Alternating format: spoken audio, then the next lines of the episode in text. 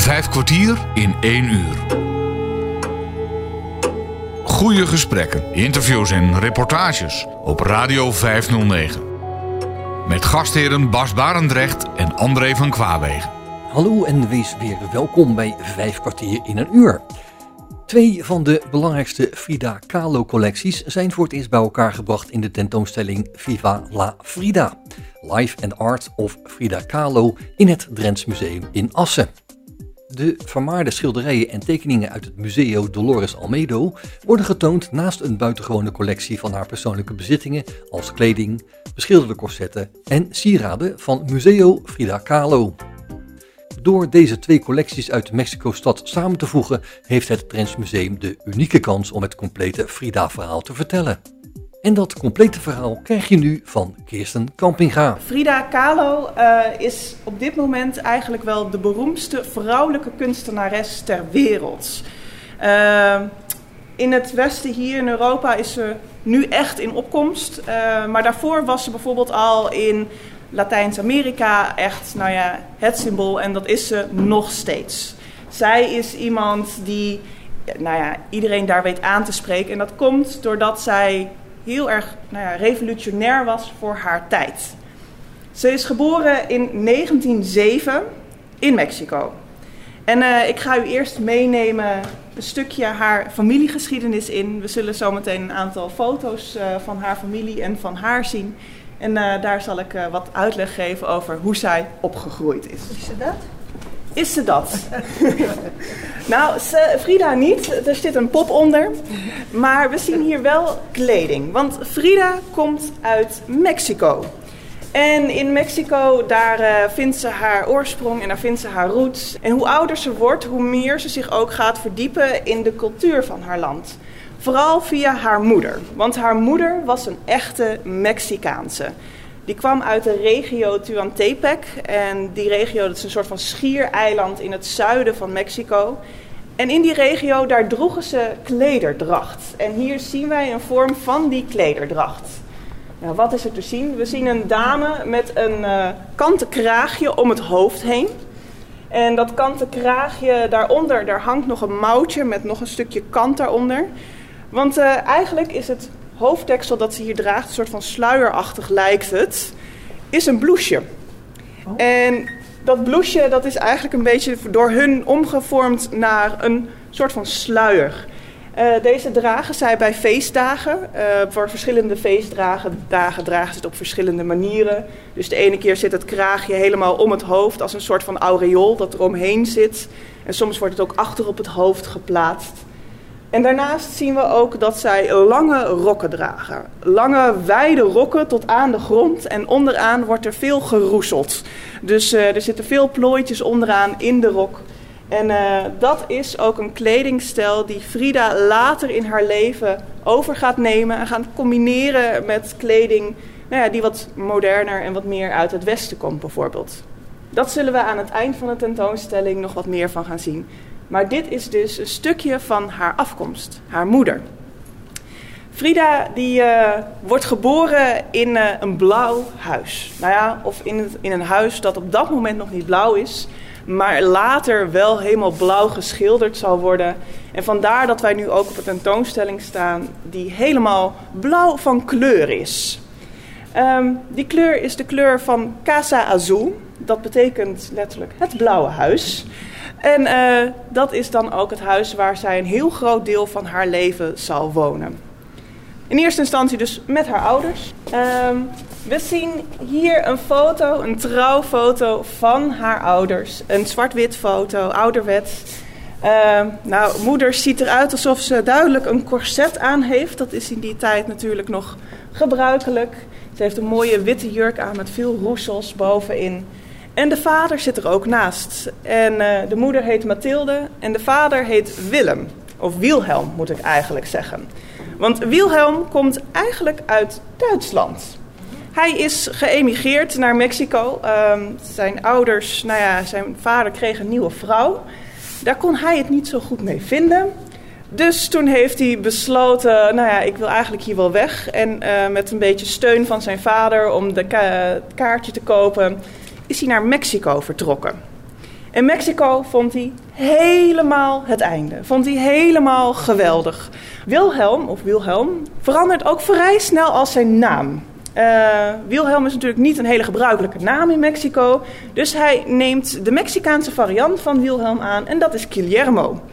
Hij wordt Guillermo Calo. Uh, hij neemt ook al heel snel de Mexicaanse nationaliteit aan en uh, op de foto is ook te zien dat deze jongeman een prachtige snor heeft. En nou ja, als we denken aan een beetje een stereotype Mexicaan, dan worden ze vaak afgebeeld met zo'n prachtige snor. En dat draagt deze jongeman dan ook. Uh, Wilhelm en Mathilde die trouwen. Um, wel op een beetje misschien een bijzondere manier. Want Wilhelm is eigenlijk nog uh, in eerste instantie getrouwd met een andere vrouw. Um, het is zo dat zij, hij ook met die vrouw drie kinderen krijgt, maar zij overlijdt als zij, bij de geboorte van het derde kindje. Alleen ze zeggen dat al een dag later hij Mathilde ten huwelijk heeft gevraagd. Dus je kunt je afvragen of er stiekem niet al wat gespeeld heeft voordat hij haar ten huwelijk vroeg. Um, die twee die komen samen en die twee die krijgen vier prachtige dochters. En uh, die dochters die zien we zo aan de overkant. Dus daar ga, ga ik u eventjes mee naartoe nemen.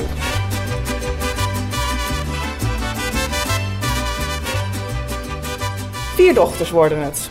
Geen jongens, uh, maar alleen maar meiden. En de oudste, dat is vernoemd naar de moeder, is ook Mathilde. Dan hebben we Adriana, we hebben Frida en we hebben Christina. Dat zijn de vier meiden. En als we naar de foto kijken, staat Frida op deze foto een beetje aan de rechterkant met mooie strikken in het haar. Dat uh, veel dames of jonge meiden toen in die tijd droegen. En uh, het leuke is, haar jongere zusje, Christina, die noemde zij vaak Christy. Dat is eigenlijk ook wel een beetje haar lievelingszusje. Daar doet ze ook heel veel mee. En uh, ja, daar halen ze ook wel heel veel kattenkwaad mee uit. Um, die twee die hebben het ook niet zo heel erg op het geloof. Hun moeder was heel erg gelovig en ze gingen dan ook vaak naar de kerk. Ze gingen naar zondagsschool. Maar uh, die twee dames die uh, er dan snel tussenuit. En die gingen dan lekker bij de buren fruit plukken of uh, andere kattenkwaad uithalen. En als er gebid moest worden aan tafel, dan zaten zij naar elkaar gekke bekken te trekken. Frida doet wel commune, um, maar ze schrijft later op, achter op de foto waar ze commune doet, idiota.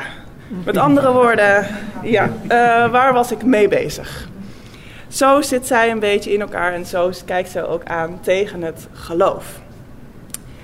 Frida die is eigenlijk een beetje het lievelingetje van haar vader. En haar vader die fotografeert. Hier hangt een klein fotootje ook weer van Wilhelm met een prachtige snor. En naast hem staat een ouderwetse camera. Die camera komt nou ongeveer tot zijn schouders. Dat is zo'n hele mooie, waar zo'n zwarte doek nog achter moest hangen, waar je dan onder kroop om de foto te maken. En uh, die camera die krijgt hij van zijn uh, schoonvader op het huwelijk. En Wilhelm heeft daar uh, aanleg voor. Die heeft aanleg voor fotograferen. Die weet mooi diepte en perspectief te creëren in zijn foto's. En dat valt op. En uh, hij gaat uh, aan de slag als fotograaf. En dat doet hij voor uh, nou ja, eigenlijk de regering op dat moment. Frida wordt dus geboren in Mexico. En Mexico kent een roerige geschiedenis. Mexico is een land waarin heel veel nou ja, mensen de macht willen hebben. Zeker nadat ze geen kolonie meer zijn van Spanje. Ze zijn van 1521 tot 1810 een kolonie geweest van Spanje. Vandaar dat Spaans daar ook de voertaal is geworden. En zij zijn daarna nou ja, een zelfstandig land geworden. Waarin heel veel mensen bedachten, ja, ik wil dat land wel regeren. Ook ene president, ene meneer Diaz, die uh, krijgt op een gegeven moment de macht. Alleen uh, hij uh, wordt in eerste instantie nou ja, onthaald als de nieuwe man die aan de macht komt. En later blijkt hij toch een beetje meer een dictator te zijn.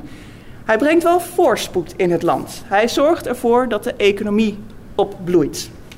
En daar komt ook de vader van Frida in het spel, want die gaat fotograferen wat er gebeurt met die opbloeiende economie. Die gaat fotograferen wat er allemaal gebouwd gaat worden. Maar hij fotografeert natuurlijk ook zijn familie. En misschien wel het allerliefste Frida. Dan ga ik nog heel even een stukje terug, want het hangt hier allemaal een beetje schots en scheef tegenover elkaar. Want ik wil u nog even laten zien als ze heel jong is.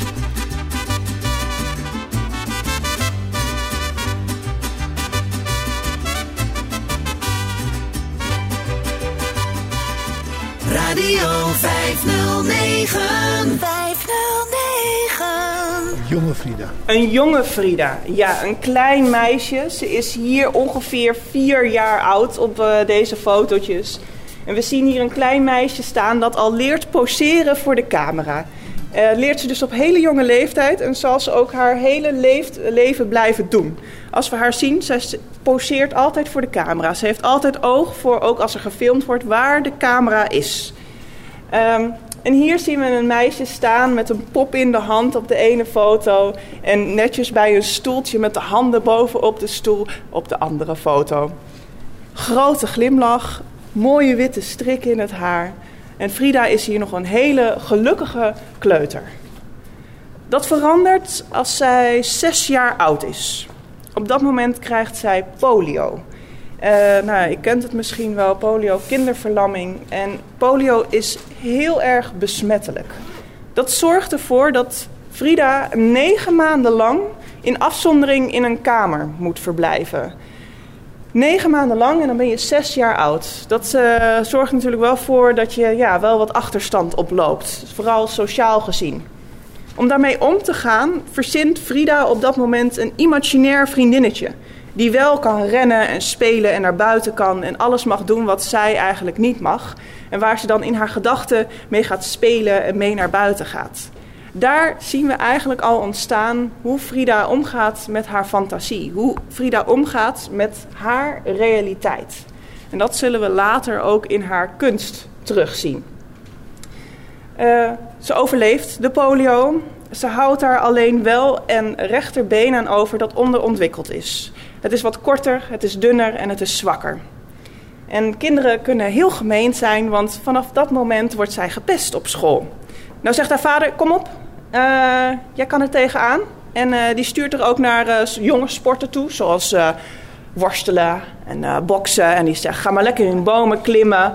Dus Frida die komt daar al een beetje voor zichzelf op en die leert om krachtig te zijn, om veerkrachtig te zijn. Deze hele ervaring is heel belangrijk voor Frida. Want vanaf dat moment en als ze wat ouder wordt, komt ze erachter dat er dokters zijn. En die dokters die kunnen ervoor zorgen dat je beter wordt. En zij wil eigenlijk voorkomen dat andere kinderen meemaken wat zij heeft meegemaakt. Dus Frida wil dokter worden. Daarvoor moet ze naar school. Uh, ze gaat naar school. Uh, ze gaat naar een preparatorium. Uh, de belangrijkste school op dat moment in Mexico. Haar ouders weten genoeg geld bij elkaar te sparen, zodat zij naar school kan. En uh, Frida die kleedt zich altijd als een hele nette meid. Dus uh, rokje aan, blouseje erbij, strohoedje op. Als je er rond zou zien lopen, super brave leerling. In de realiteit is het iets anders. In de realiteit haalt ze heel erg van kattenkwaad. En vooral met haar vrienden, daar uh, houdt ze ook heel erg van kattenkwaad uithalen mee. En op een gegeven moment komen er ook een aantal kunstenaars bij hun op school en die komen muurschilderingen maken. En uh, een van die mannen, een hele grote, forse man, en denkt, ja, haha, die ga ik pakken. Um, en dan besluit ze de trap in te smeren met groene zeep van de steiger. Ja, nou gaat dat eigenlijk wel goed voor die man. Want uh, die man is zo groot, log en zwaar... dat hij gewoon heel rustig die trap oploopt en helemaal niet onderuit gaat. Um, er schijnt later nog wel iemand anders naar beneden gegleden te zijn. En uh, Frida kreeg dan ook wel regelmatig op haar donder. Want uh, dan zeiden ze, dat kan echt niet. Briefje weer naar huis, briefje weer naar de ouders. Ja, Frida heeft zich weer misdragen. Zo zat Frida in elkaar. Ze had met de, die vrienden van haar had ze ook een klein groepje. En daarmee ging ze vaak ook naar de bibliotheek. Ze lazen heel veel over politiek, over filosofie. En daar praten ze ook heel veel over.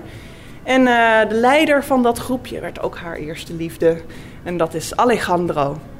En met Alejandro maakt ze een van de ergste momenten van haar leven mee.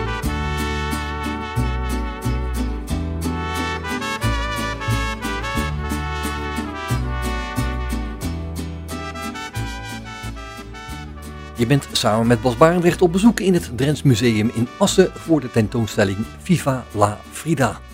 Life and Art of Frida Kahlo. We kijken naar een schilderij ehm, met daarop zes mensen.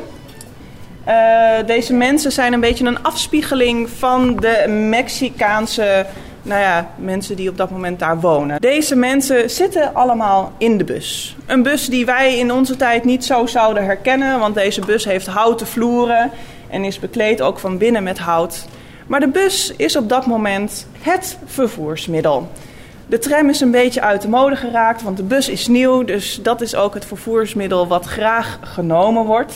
Frida en haar vriendje Alejandro die zijn uh, ook, heeft ook met de bus geweest, want het is de dag na bevrijdingsdag. En zij besluiten om nog eventjes de markt over te gaan waar allemaal leuke kraampjes zijn. Als ze een beetje uitgewinkeld zijn en weer teruggaan, nemen ze de bus weer terug. En als zij dan in die bus zitten, dan krijgt ze een botsing. Een botsing met een tram. Het is een heel zwaar ongeluk. Er zijn twee mensen die op het slag overleden zijn. Er zijn ontzettend veel zwaar gewonden, waaronder Frida. Frida is zo ernstig gewond dat ze in eerste instantie bij de doden wordt gelegd, omdat ze niet denken dat ze haar nog kunnen helpen en de hulpdiensten liever haar hulp hun hulp geven aan de mensen waarvan ze denken dat ze het wel zullen overleven. Alejandro ziet echter wel dat Frida nog leeft en die nou ja, vraagt eigenlijk aan de hulpdiensten van help haar dan toch. Dat doen ze. In het ziekenhuis blijkt dat haar linkerbeen op elf plekken is gebroken. Haar rechtervoet is verbrijzeld. Uh, haar rug is op drie plekken gebroken. Ze heeft een aantal nou ja, gebroken ribben. Ze, heeft, uh, ze is er heel slecht aan toe. En misschien het allerergste nog wel. Tijdens het ongeluk is er een stang losgeraakt waar je aan vasthoudt. En die is door haar lichaam heen gegaan. Dat zorgt ervoor dat haar baarmoeder een ander stuk is en dat zij later nooit kinderen zou kunnen krijgen. Omdat zij zo ontzettend nou ja, stuk is van binnen, moet zij doodstil in bed liggen. Haar rug is stuk. Dat betekent dat ze haar hoofd niet mag draaien. Dat betekent dat ze constant met haar gezicht naar boven moet liggen in bed. In eerste instantie een maand lang in het ziekenhuis en daarna gaat ze naar huis, naar haar ouders toe en haar ouders die uh, gaan voor haar zorgen. En die zorgen voor een mooi hemelbed waar ze in komt te liggen. En in dat hemelbed bovenin maken ze een spiegel. Zodat zij, ondanks dat ze naar boven moet kijken, ook nog wat meer van de kamer kan zien. Want anders dan, uh, is dat allemaal niet te zien. Dan uh, nou, weet ze eigenlijk niet wie er binnenkomt. Maar via die spiegel kan zij dus de mensen zien die bij haar komen in de kamer. In eerste instantie in het ziekenhuis komen veel vrienden haar opzoeken, want dat is in de stad, dat is waar haar vrienden ook zijn. Maar als ze naar huis gaat, dan zit ze buiten de stad, een klein dorpje daar, nou, een aantal kilometer buiten. En ja, dat is toch wel een stukje verder reizen. Dus die vrienden komen wat minder vaak langs. En Frida die krijgt misschien ook wel steeds meer de realiteit mee van wat dit eigenlijk betekent voor haar, wat er gebeurd is. Ze raakt eigenlijk een beetje depressief. Uh, ze wil eigenlijk wel, ja, ze wil eigenlijk wou ze dokter worden, maar ze merkt ook wel dat dat niet meer gaat lukken.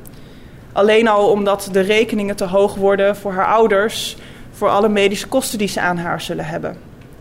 En haar ouders zien dat ook. En die besluiten om te zeggen: hé, hey, uh, anders gaan we weer wat doen. Ga weer wat doen. We regelen dat jij weer wat kan doen. En ze bouwen een soort van schuine ezel boven haar hoofd zodat ze daarop kan gaan tekenen en schilderen.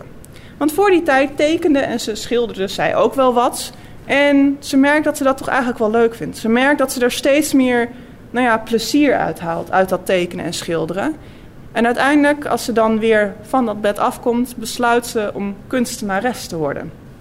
Maar ze wil wel weten of haar stijl en of haar kunstvorm goed genoeg is. En daarvoor gaat ze naar een man toe. En die man die uh, heeft ze eerder ontmoet, want dat is die hele grote logge man. Die uh, niet van de trap afgleed, maar die een grote muurschildering ging maken bij haar in school. En die man die kennen wij als Diego Riviera. En uh, die zal ik u ook even laten zien. Dan kunt u ook meteen zien wat voor een grote logge man dat is. Gaan we eventjes schuin oversteken naar achter.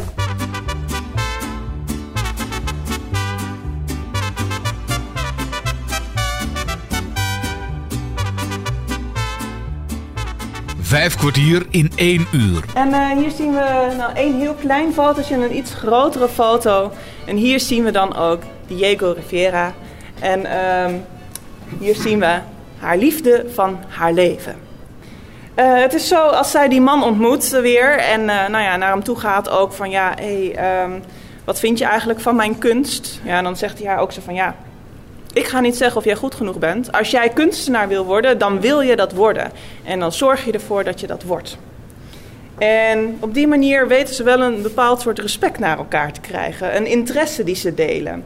En die twee, ja, die, uh, nou ja, die vonk slaat over en uh, ze worden verliefd en ze gaan dan ook trouwen. Dat huwelijk wordt goedgekeurd door de vader, want die zegt tegen Diego, ja, als jij echt van haar houdt, als jij echt om haar geeft, trouw met haar. Maar besef je wel, Frida is iemand uh, nou ja, die gebroken is van binnen. Ze zal een, ook wel een medische zorg nodig hebben en die moet je wel voor haar dragen. Haar moeder is er iets minder blij mee. Uh, om verschillende redenen. Diego is een stuk ouder dan Frida. Uh, en voor de kerk is Diego nog steeds getrouwd met zijn derde vrouw. Ja, en dat vond ze al helemaal niet kunnen. Ja, en Frida wordt dus de vierde vrouw van Diego. Dan zal ik je meteen wat vertellen over Diego. Diego is niet iemand die uh, echt een monogaam huwelijk aangaat. Hij, uh, ze hebben ook samen eigenlijk meer een open huwelijk. Want uh, hij is iemand die regelmatig een ander schatje ook heeft. En op zich stemt Frida daar wel mee in. Hoewel ze het af en toe ook wel moeilijk vindt. Maar ze weet ook van ja, ik ben zijn vrouw. En zo spreekt hij dat ook uit naar haar. En ze weet ook dat hij heel erg gek op haar is. Nou is Frida ook niet degene die uh, bij één man blijft. Die heeft ook regelmatig affaires met andere mannen. Dus het komt van twee kanten af.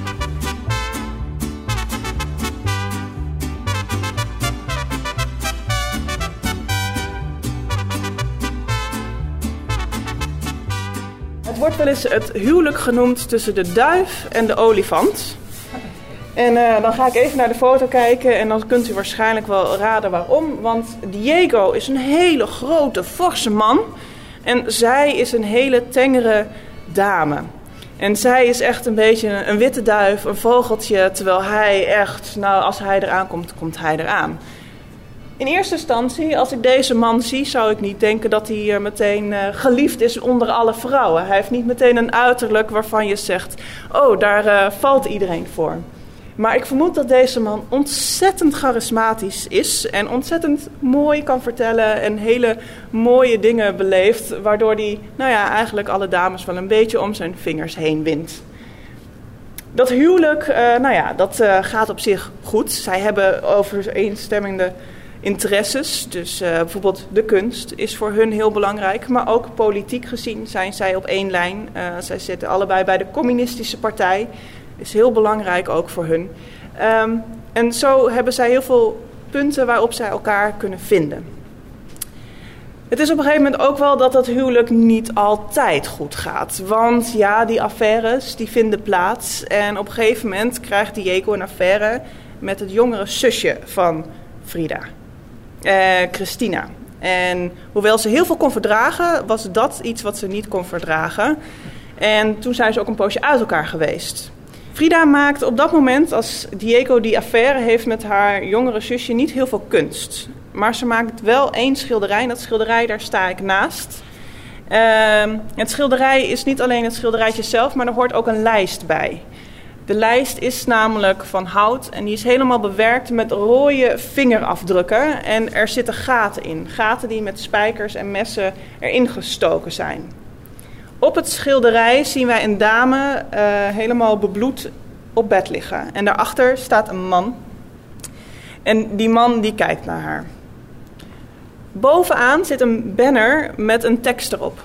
En daarop staat een paar kleine steekjes. Dit schilderij heeft Frida gemaakt naar aanleiding van een krantenartikel over een man die een vrouw had vermoord en in het verweer zei bij de rechter: Ach, het waren maar een paar kleine steekjes. Deze vrouw was met 27 messteken om het leven gebracht.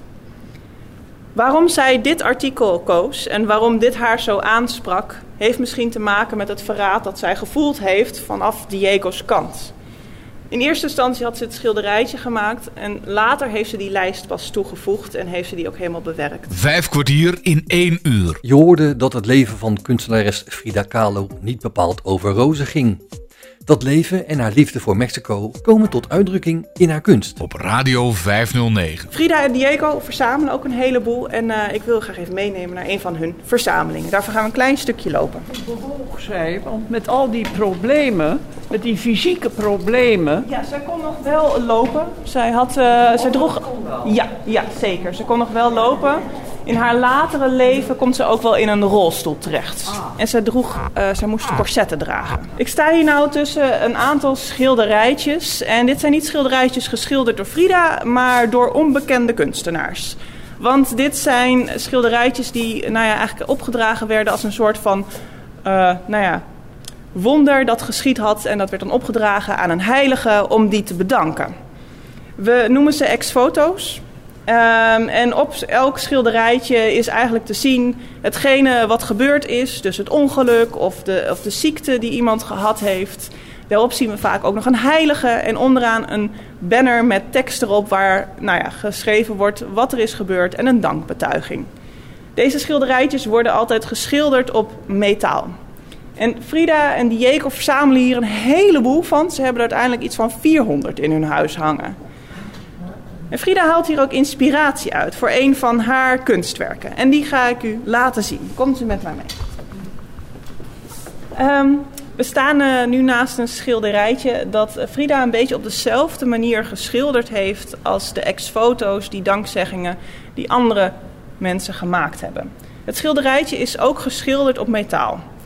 Um, dat kunnen we niet zo goed zien, maar uh, als we het open zouden doen, het schilderij van achter zouden kijken, dan zien we dat het op metaal geschilderd is. We zien op het schilderij een dame. Een dame met een donkere huidskleur. Iemand van een oorspronkelijke nou ja, afkomst uit Mexico. En zij draagt een masker.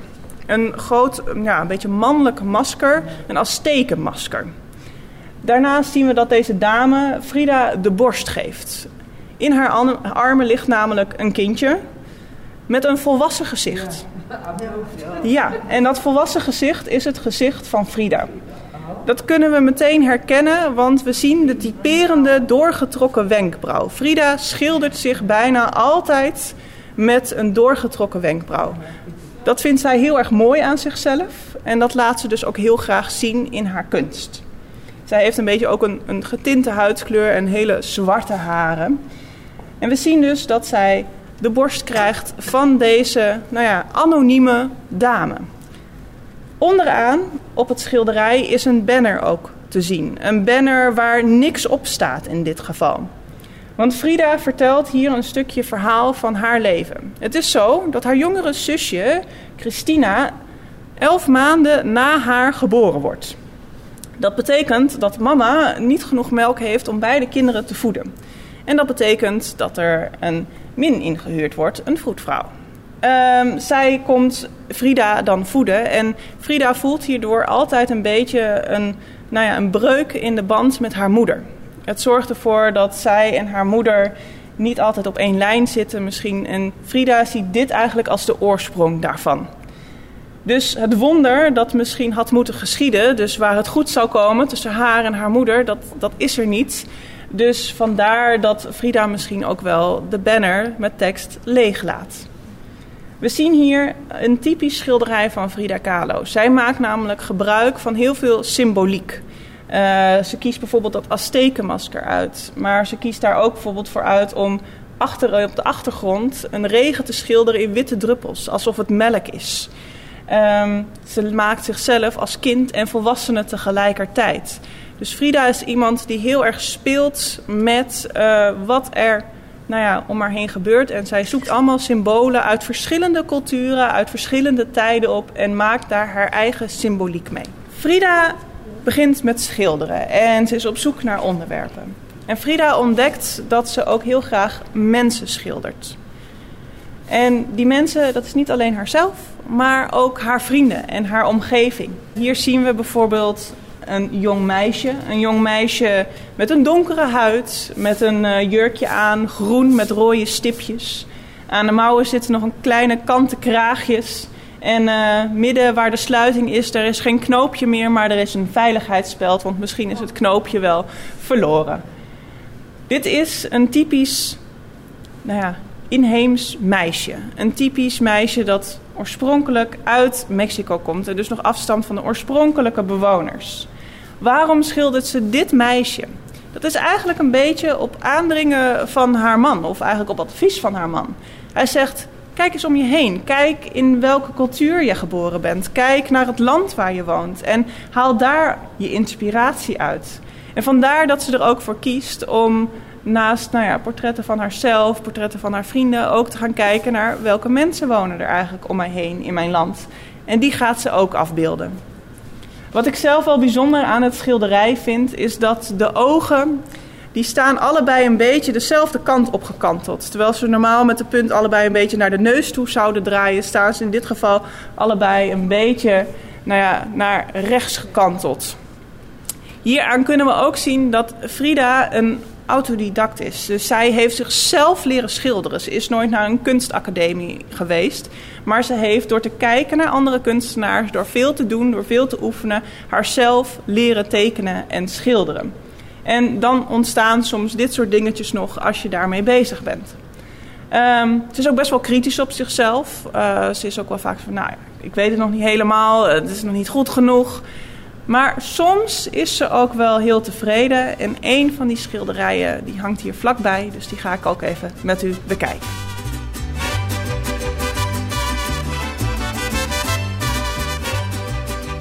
Radio 509. 509. Dit is een schilderij. En dit schilderij is de moeder van een goede vriend van haar.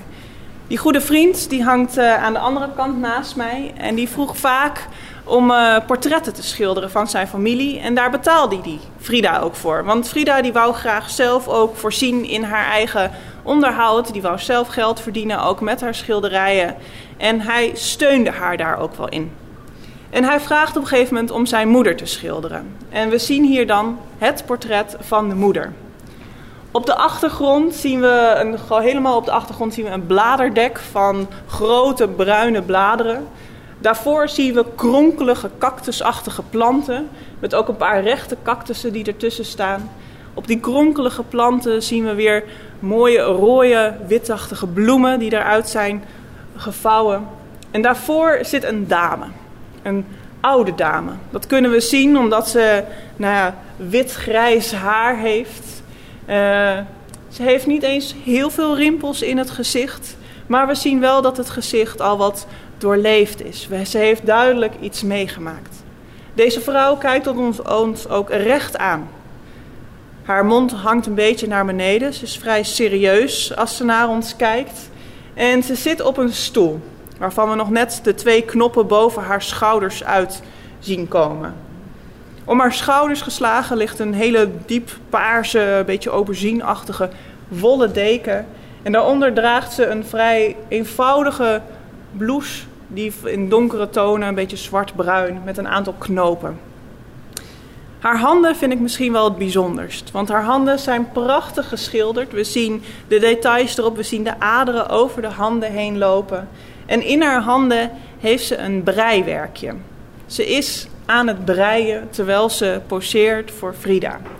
En dat breiwerkje dat gaat langzaamaan uit van het schilderij af. En het draadje van de wol is ook naar beneden toe van het schilderij afgelopen. Een prachtige compositie, een prachtig schilderij en heel verfijnd geschilderd. Pas als we heel dichtbij komen, dan zullen we de verfstreekjes kunnen zien staan op het doek. Maar van een afstandje wordt het allemaal een mooi geheel en valt het allemaal mooi samen. Dit schilderij is geïnspireerd op een van de kunstenaars die wij waarschijnlijk allemaal heel goed kennen, namelijk Vincent van Gogh. Het is zo dat Frida boeken heeft van heel veel kunstenaars van over de wereld. En Vincent is natuurlijk over de hele wereld bekend. Dus ook in Mexico zijn zijn boeken en zijn kunstwerken te vinden. En hij heeft gekeken naar een kunstwerk van, haar, van hem en heeft dat gebruikt voor een kunstwerk van haar. Dus Vincent heeft ook een oude dame geschilderd, in dat geval in een groene jurk met een, ook een fleurige achtergrond waar bloemen op te zien zijn, die ook iets vast heeft van een draadje in de hand waar ze bezig is met een breiwerkje. En als je de twee schilderijen naast elkaar zou leggen, dan zie je duidelijk dat daar haar inspiratie vandaan komt. Frida is dus iemand die heel veel leert door naar haar omgeving te kijken, door te lezen, door goed te kijken naar wat andere kunstenaars doen. En daar haalt ze haar eigen inspiratie uit. Nou hebben we een heleboel portretten hier hangen van andere mensen die ze geschilderd heeft. Maar Frida heeft het meeste haarzelf geschilderd. Ze heeft heel veel zelfportretten gemaakt. En ze zegt dan ook: Ik ben het onderwerp dat ik het beste ken. En je kunt je misschien voorstellen, als jij maandenlang naar jezelf ligt te kijken in een spiegel, die boven in een hemelbed hangt, dat dat ook wel heel goed kan kloppen. Jij bent het onderwerp dat je het beste kent, want je hebt jezelf het vaakst gezien.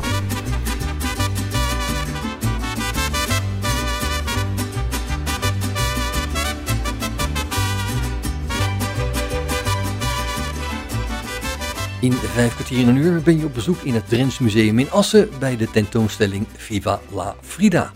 Life and Art of Frida Kahlo. Ik ga je meenemen naar een vrij klein werk. Uh, het is een schilderijtje waarop we in eerste instantie valt Frida op. Ze staat op een sokkeltje. Um, ze heeft een roze jurk aan tot aan de grond. Een beetje als de traditionele klederdracht, maar dan uh, een jurk in zijn geheel.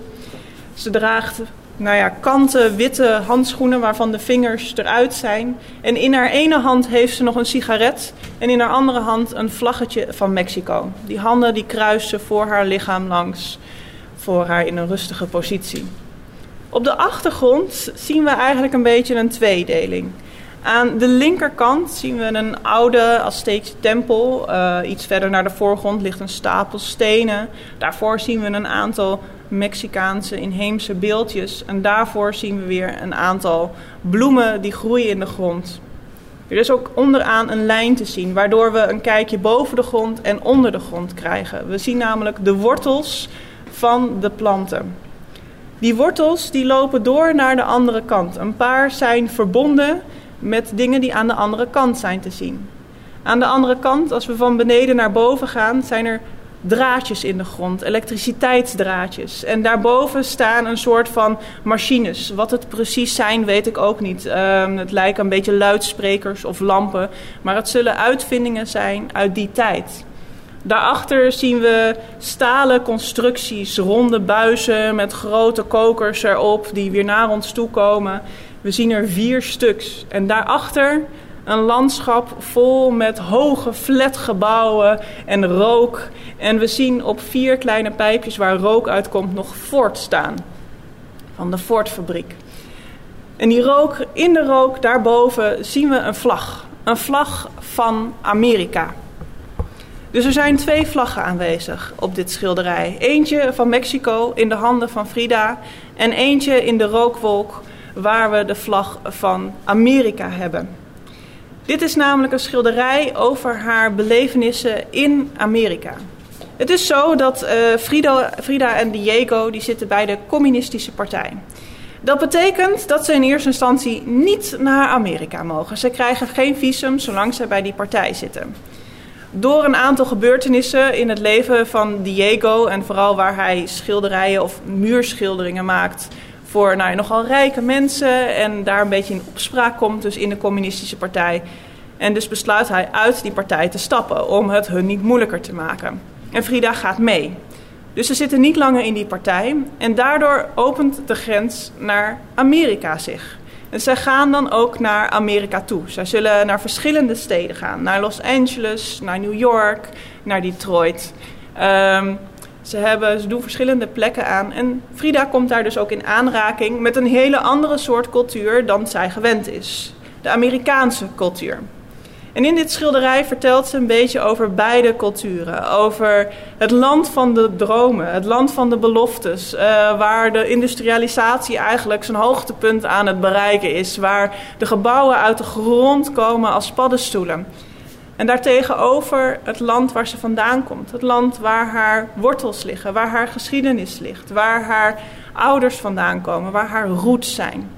En ze plaatst zichzelf op de grens daartussen. Haar hoofd is lichtelijk gedraaid richting Mexico.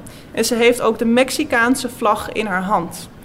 Wat mij wel vertelt dat haar nou ja, liefde meer bij dat land ligt dan bij Amerika.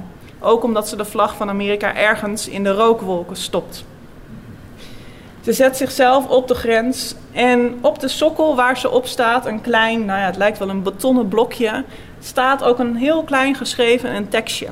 En daar staat haar naam. Carmen Riviera noemt ze zich hier. Haar tweede naam is Carmen. En Frida is een vrij Duitse naam, dus die gebruikt ze op dat moment niet. Want ja, communisme en Duitsland en nou ja, die tijden waren best wel lastig. Ehm, en Riviera, omdat zij zich echt op dat moment ziet als de vrouw van. Zij draagt daar dus nog niet de naam Frida Kahlo op haar kunst, maar juist Carmen Riviera. Ehm, als zij in Amerika is, uh, dan maakt ze ook weer een moment mee in haar leven dat heel veel indruk op haar zal maken en dat haar ook heel erg kwetst. En daar heeft ze ook een schilderij over gemaakt.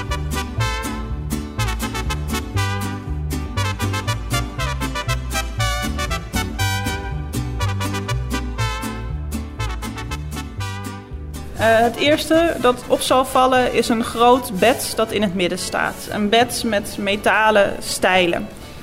En op dat bed ligt een groot wit matras en daarop ligt Frida. Naakt. Uh, Frida heeft hier losse haren en er loopt een traan over haar gezicht. Daarnaast op het bed ligt bloed. Bloed dat uit haar vagina is gekomen, want zij heeft een miskraam gehad.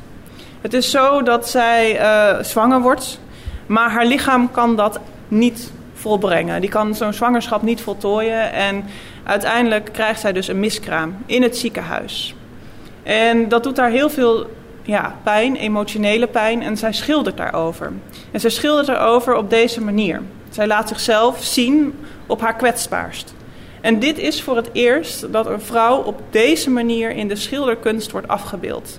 Niet als de heilige maagd Maria, niet als een lustobject, maar een vrouw in pijn met haar eigen verdriet.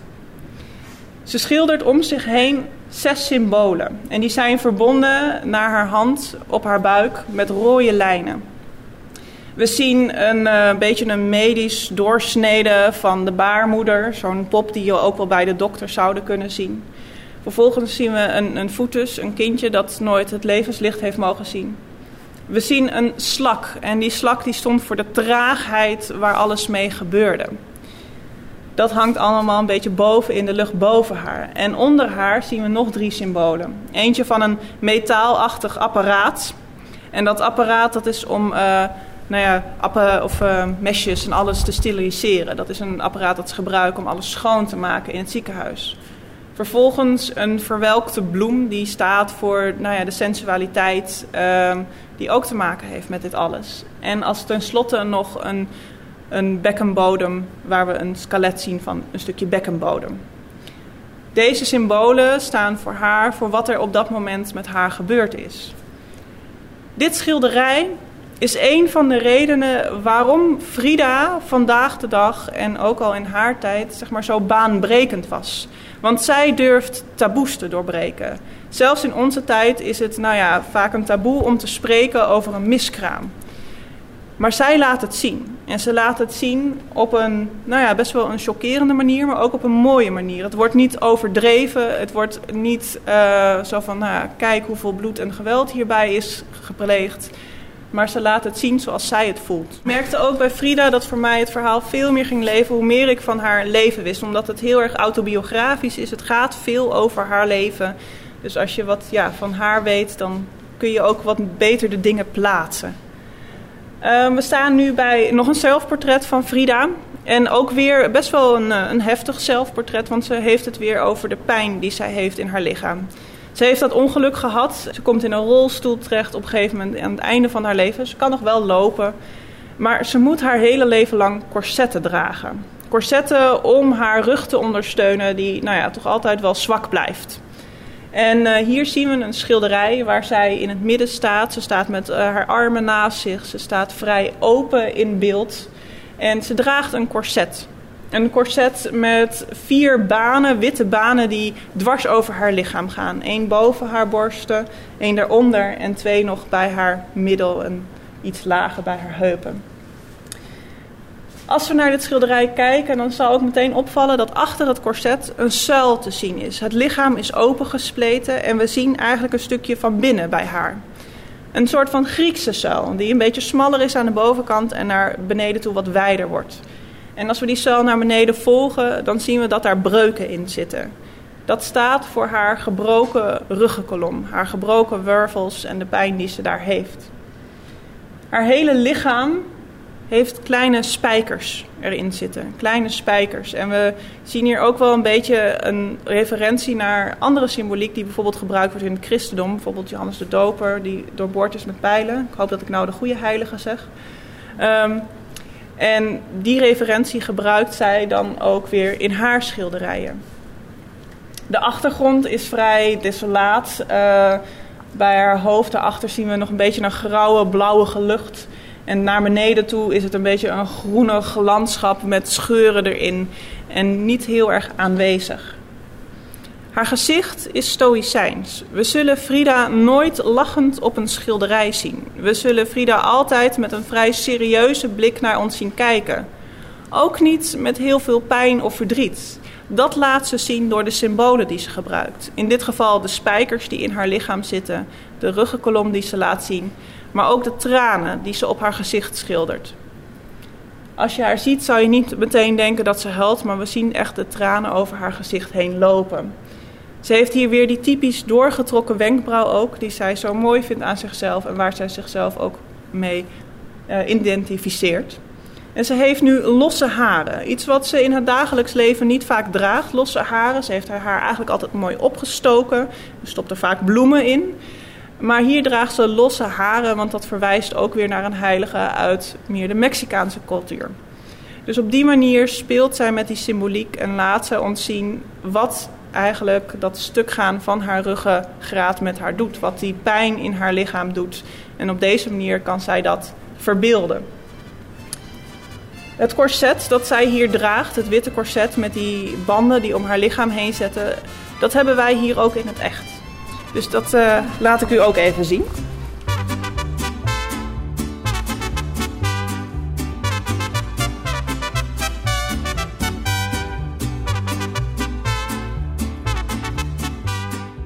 Vijf kwartier in één uur. Er zijn verschillende corsetten. En het corset dat ze ook in het schilderij draagt, dat is een wit corset. En dat, ja, het lijkt van stof, maar het is van metaal. Er zit metaal in de stoffen banden. En we zien dus die vier banden die haar lichaam, nou ja, om haar lichaam heen gaan. En achteren bij haar rug zijn twee stroken die langs haar ruggengraat liggen om haar ruggengraat steun te geven. Ze heeft verschillende corsetten gedragen van staal, van leer ook wel, die helemaal om haar lichaam zaten, maar ook van gips. De meeste corsetten die zij droeg waren gipsen corsetten, die ze dan nou ja, in een poos van een uur moest ze dan uh, omhoog staan en dan moest ze rechtop blijven staan, terwijl het gips aan het drogen was. Dus dat was best wel een marteling voor haar. En die gipsen corsetten die versiert ze ook vaak heel mooi. En op deze gipsen corsetten, daar zien we dus dat zij is, heeft geschilderd. Um, ze stopt daar symboliek op. Bijvoorbeeld het teken van het communisme is te zien op een van de corsetten. Want dat was heel belangrijk voor haar. Zij volgde het communisme, zij geloofde in die idealen, zij geloofde in het idee van macht bij het volk. En zij vond dat ook heel belangrijk. Zelfs een, twee weken voor haar overlijden is ze nog aanwezig bij een protest om te laten zien wat haar mening is. Dus zo is zij wel bezig met de politiek en met wat er om haar heen gebeurt. Op een ander corset zien we weer die zuil, die kolom die we ook op het schilderij zagen, waar we een gebroken zuil zien met stukken eruit, die weer staat voor haar gebroken rug. Met eromheen een heleboel versieringen die bijna niet te ontwarren meer zijn. En die eigenlijk een beetje een brei worden van vruchten en planten en plaatjes die er half op zitten en half af zijn gesleten door het gebruik hiervan. Deze corsetten en haar nou ja, manier van uh, haar pijn die wil ze graag verbergen. Ehm, ze laat het soms zien. We zien ook foto's achter de corsetten waar ze haar shirt omhoog tilt en laat zien wat ze onder haar shirt draagt. Maar vaak verbergt ze het. En daarvoor gebruikt ze de kleding die ze draagt. En we hebben hier een hele mooie tekening waar dat heel mooi op te zien is. Want Frida die die, die schildert niet alleen, die tekent ook heel veel. En deze tekening was ook heel belangrijk eigenlijk voor de conservatoren die bezig waren met het bestuderen van Frida's leven. Want hier zien we Frida eigenlijk staan. Is uh, het vrij simpele tekening. We zien alleen Frida, de achtergrond is leeg. En we zien haar lichaam. Maar over haar lichaam heen is een beetje een vage schimmering te zien van haar kleding die ze draagt. En daaronder zien we dus haar lichaam met daarbij het korset. Opnieuw het symbool van de zuil waar haar ruggengraat zit. En we zien ook één been dat wat dunner en wat zwakker is. En een ander been waar vlinders op uh, getekend zijn. Want dat is het been dat goed is. Dat is het been dat haar vrijheid geeft. En het andere been, ja, dat is het been dat zwak is. En we zien die kleding die eromheen valt. En die helemaal van boven tot onder haar bedekt. Zodat eigenlijk alles waar zij pijn van heeft, alles waar zij last van heeft, verstopt zit onder een laag kleding. We hebben ook een heleboel van haar jurken. Daarvoor gaan we een klein stukje verder lopen en uh, die ga ik u ook laten zien. We zien hier een hele lange galerij met uh, bijna wel twintig uh, jurken van haar staan. En al die jurken, dat is allemaal kleding die Frida zelf gedragen heeft. Um, wat zien we? We zien echt die typische klederdracht die we ook in het begin zagen. Dus dat zijn die lange rokken tot aan de grond, vrij wijd met roeseltjes onderaan.